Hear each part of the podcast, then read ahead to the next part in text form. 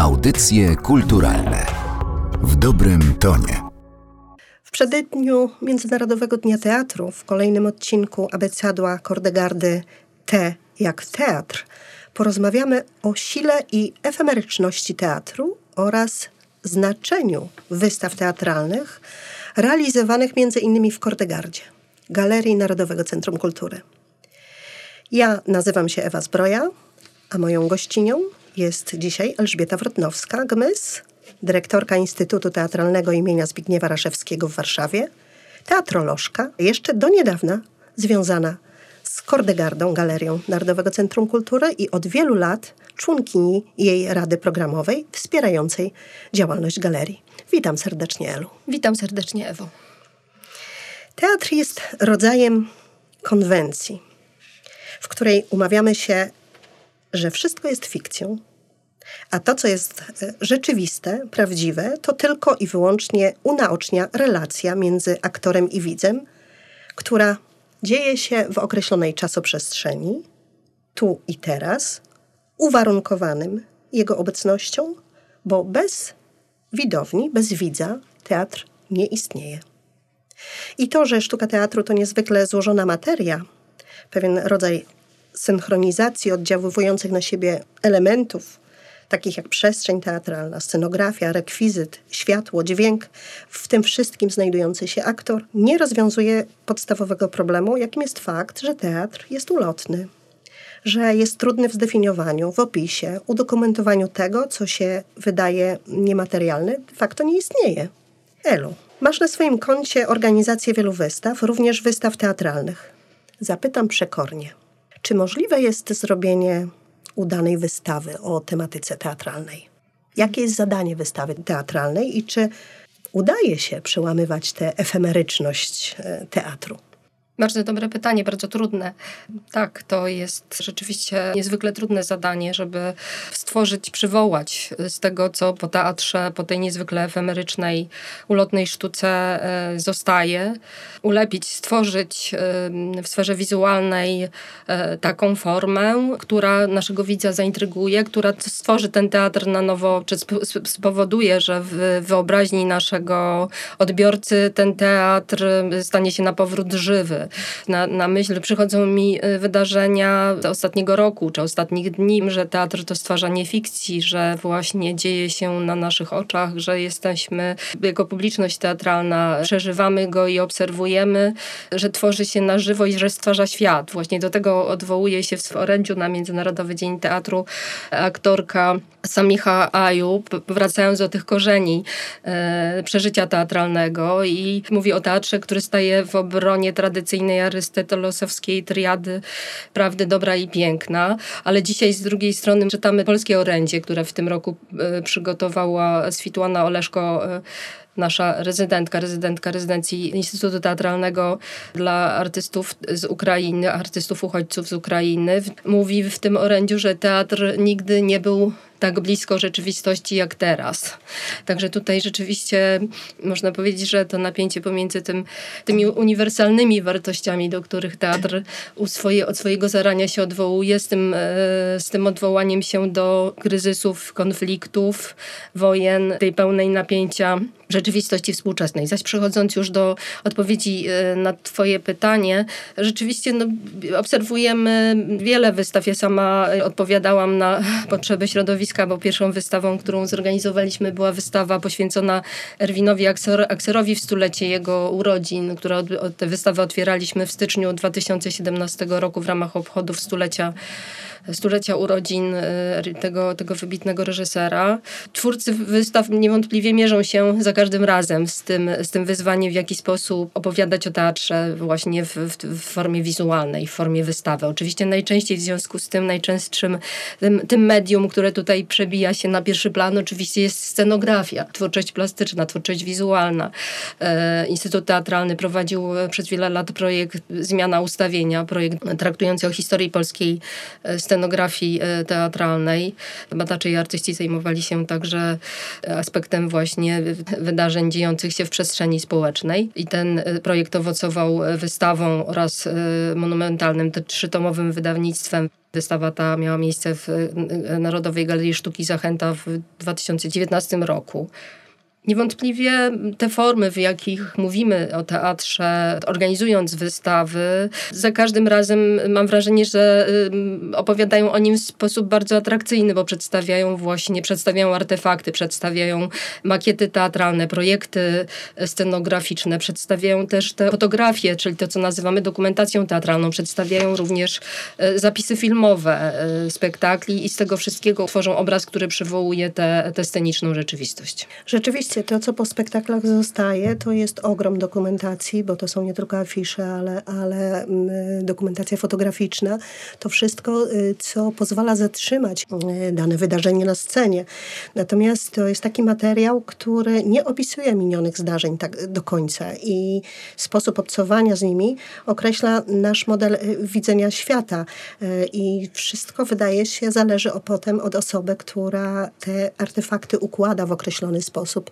Czy myślisz, że mm, teatr, aby go zachować, aby go oddać, potrzebuje narracji?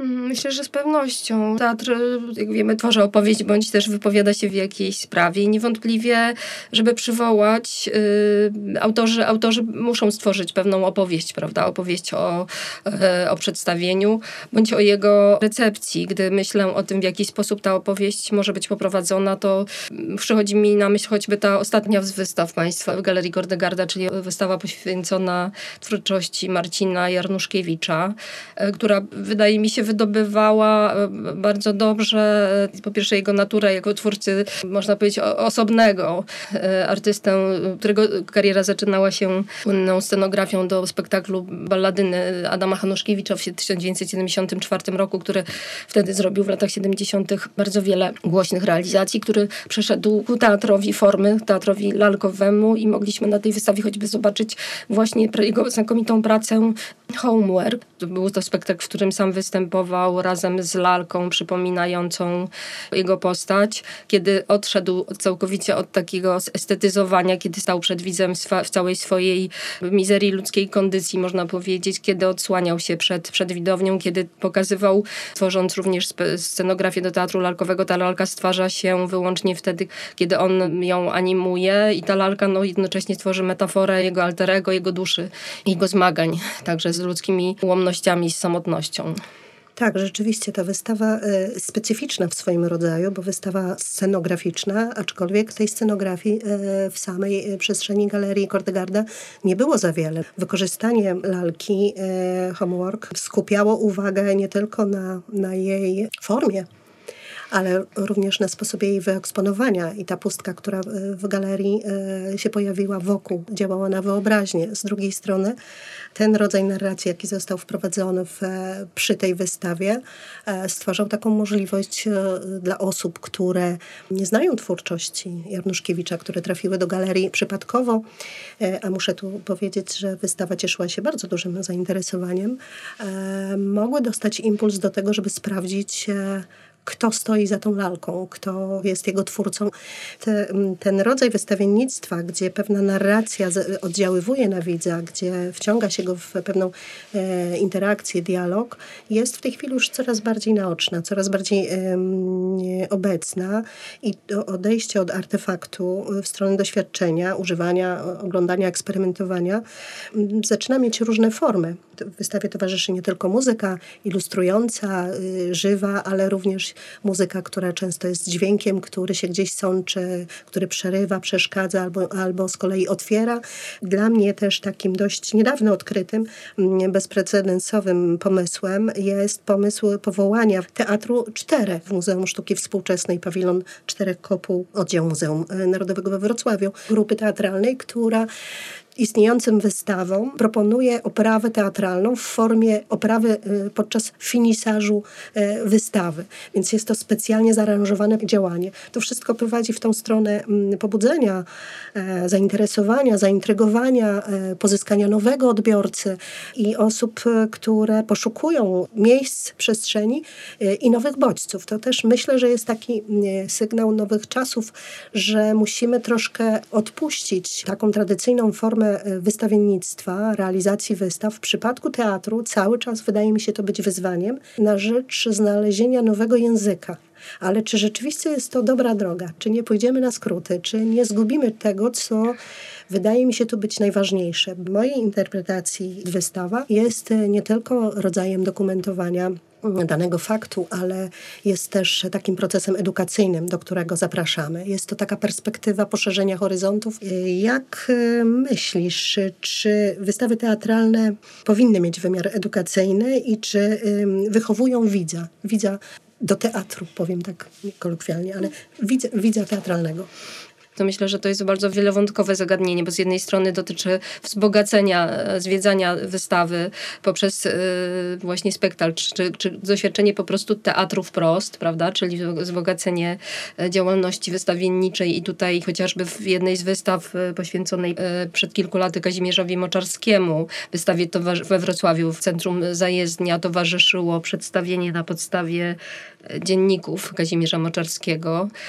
I myślę, że to jest też bardzo, bardzo ciekawy aspekt i temat dla nas y, i wyzwanie także dla środowiska teatralnego, bo słyszałam o tym także, że Muzeum Historii Polski będzie scena teatralna, która będzie również, bo oprócz tego, że liczymy, że i, i, i, i historia teatru i teatr będzie tematem zarówno wystawy stałej, jak i też będą, miejmy nadzieję, tam również organizowane wystawy czasowe poświęcone teatrowi, ale rzeczywiście wydaje mi się, że obecność teatru w, w takiej instytucji muzealnej, czy też wystawienniczej no jest niezwykle ważna, bo nie dość, że jest nieoczywista, to poszerza nasze możliwości oddziaływania teatru jako takiego, prawda, do którego na przykład młode pokolenie uczęszcza coraz rzadziej. Taka sytuacja, w której młodzież udaje się e, do muzeum, a przy okazji ma e, możliwość doświadczenia teatru, myślę, że to, to jest możliwość, którą warto, którą warto wykorzystać. Natomiast oczywiście jest to bardzo poważne wyzwanie, aby dotrzeć z historią teatru do młodego odbiorcy, bo to jest pytanie o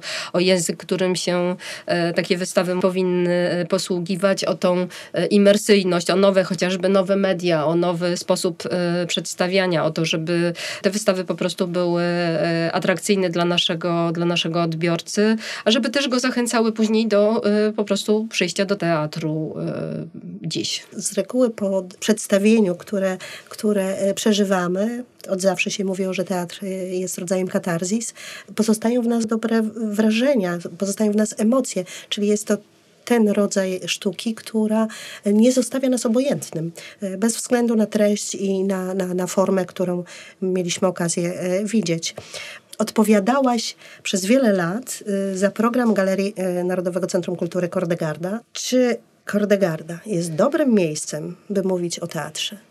Myślę, że jednym z najlepszych. Tak, bo jest to galeria, która jest y, no, kameralna, jak wiemy, ale no właśnie ze względu na swoje usytuowanie takiej, a nie innej przestrzeni warszawej, przestrzeni symbolicznej, y, myślę, że no, tkwi w niej niezwykły potencjał bardzo szerokiej dostępności. E, jest to elitarne miejsce oczywiście ze względu na, na świetne wystawy, które prezentuje, ale ono e, po prostu jest do odwiedzenia z marszu podczas spaceru na krakowskim przedmieściu i dlatego myślę, że jego potencjał jest pomimo skromnych warunków lokalowych często wiele większy niż e, większych muzeów czy galerii. Właśnie dlatego, że każdy może z, z łatwością tam dotrzeć. A która z wystaw teatralnych z ostatnich lat w Krodgardzie była najtrudniejsza w Twojej ocenie w odbiorze, najciekawsza, czy, czy ważna, bo ważna z uwagi na temat, z uwagi na, na formę, z uwagi w ogóle na fakt, że się odbywa e, w Kordegardzie? Trudno wyróżnić jedną, na pewno z punktu widzenia wystawienniczego najtrudniejsza była ta pierwsza, czyli wystawa poświęcona twórczości Erwina Aksera z uwagi na trudną formę wysta wystawienniczą, bo świetną scenografię do tej wystawy stworzyli Kamila Szynwelska i Marcel Bęcik.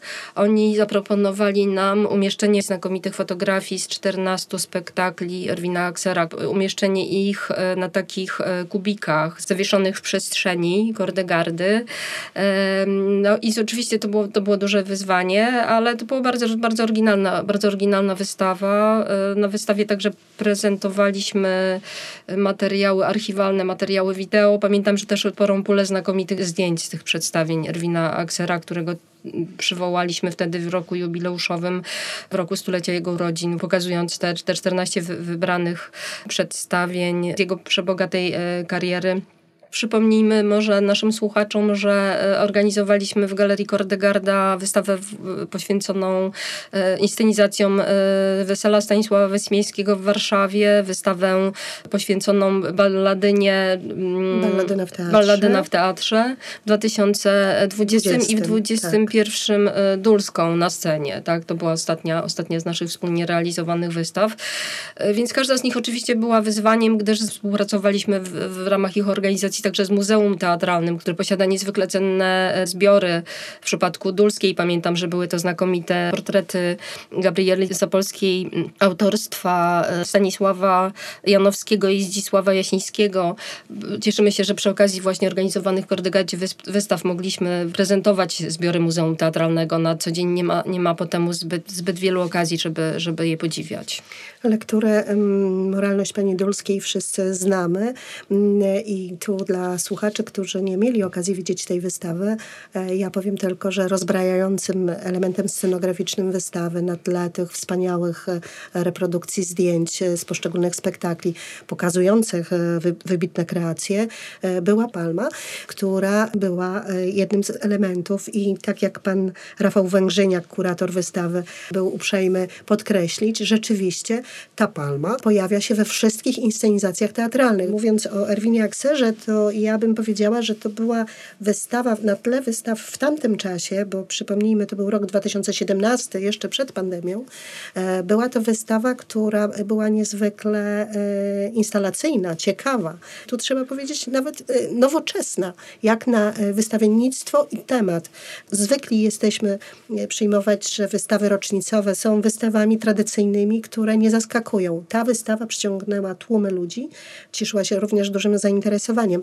Ale podobną wystawą była w sposobie myślenia wystawa e, teatralna maski Tadeusza Łomnickiego, robiona dokładnie pięć lat później, która była e, niezwykle ciekawym rozwiązaniem technicznym, a estetycznie w tej konstrukcji i przekazie prowadziła dodatkową narrację. Tu grały doskonałe fotografie wybitnych fotografików, zatrzymane w ekranach, nawet śmiem twierdzić telewizyjnych, bo były podświetlone w specyficzny sposób, dawały taką ścianę ról Tadeusza Łomnickiego, pokazujących jego ekspresję, jego osobowość. Ten zamysł przybliżenia jego postaci był bardzo ciekawy. Jeśli idzie o tę o tę sferę wysta wystawienniczą, wizualną, istotnym jest y, postać Tadeusza Łomnickiego, który wystąpił jako Arturo Ui, prawda, w tak. realizacji Erwina Aksera, wcześniej prezentowane. Tak, rzeczywiście te znakomite fotografie są dla nas świetnym, jak to mówimy, punktem wyjścia do opowieści o tych o przedstawieniach e, teatralnych i tutaj tę opowieść e, prowadzimy już w ramach oprowadzeń kuratorskich, które rzeczywiście cieszyły się w każdym z tych przypadków i zarówno w przypadku e, wystaw towarzyszących Narodowemu Czytaniu, jak i tych dwóch wspomnianych poświęconych Akserowi i Łomnickiemu. Cieszyły się dużym powodzeniem, gdyż możemy tę, tę wizualną warstwę znacznie wzbogacić o tę opowieść o teatrze dzięki e, współpracy z Instytutem Teatralnym udaje się wizualizować e, dzieła, które są czytane, a więc udało się e, zrealizować Wesele, Balladynę w teatrze, Dulską na scenie. Były też i inne wystawy, które były w oparciu o literaturę. Ta chociażby ostatnia wystawa literacka, dedykowana Januszowi Krasińskiemu przeciw milczeniu, realizowana w 1922 roku, miała mm, również elementy nawiązujące do teatru teatru, ponieważ Krasiński pisał e, dramaty, które były grane na scenie z e, dużym zainteresowaniem dużym widowni, sukcesem. z dużym Niestety sukcesem. kompletnie już dzisiaj e, zapomniane, prawda? Czy takie jak, zresztą telewi- telewizja wtedy powtórzyła realizację bardzo popularnego swego czasu tekstu Czapa, czyli Czapa, Śmierć tak. na raty mm, w reżyserii Piotra Szunkina, to jest z 1996 roku.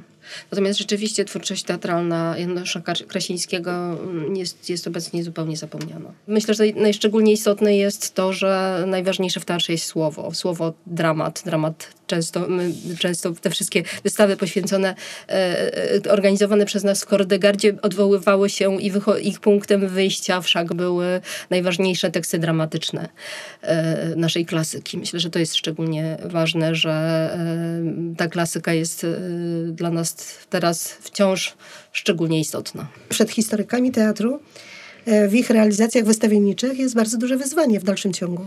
Tak jest. y, To wyzwań, wyzwań nie brakuje, ale myślę, że też y, sprzyjają no, nowe media, prawda? Sprzyjają, bo chociażby w, związku z prowadzonym przez Instytut konkursem fotografii teatralnej, którego ósma bodaj edycja odbyła się w ubiegłym roku, toczy się dyskusja właśnie chociażby o roli fotografii teatralnej, która dawniej miała za zadanie dokumentować, prawda? Ocalać dla potomnych teatr, a stała się autonomiczną y, już y, dziedziną sztuki i prawda, sztuk wizualnych.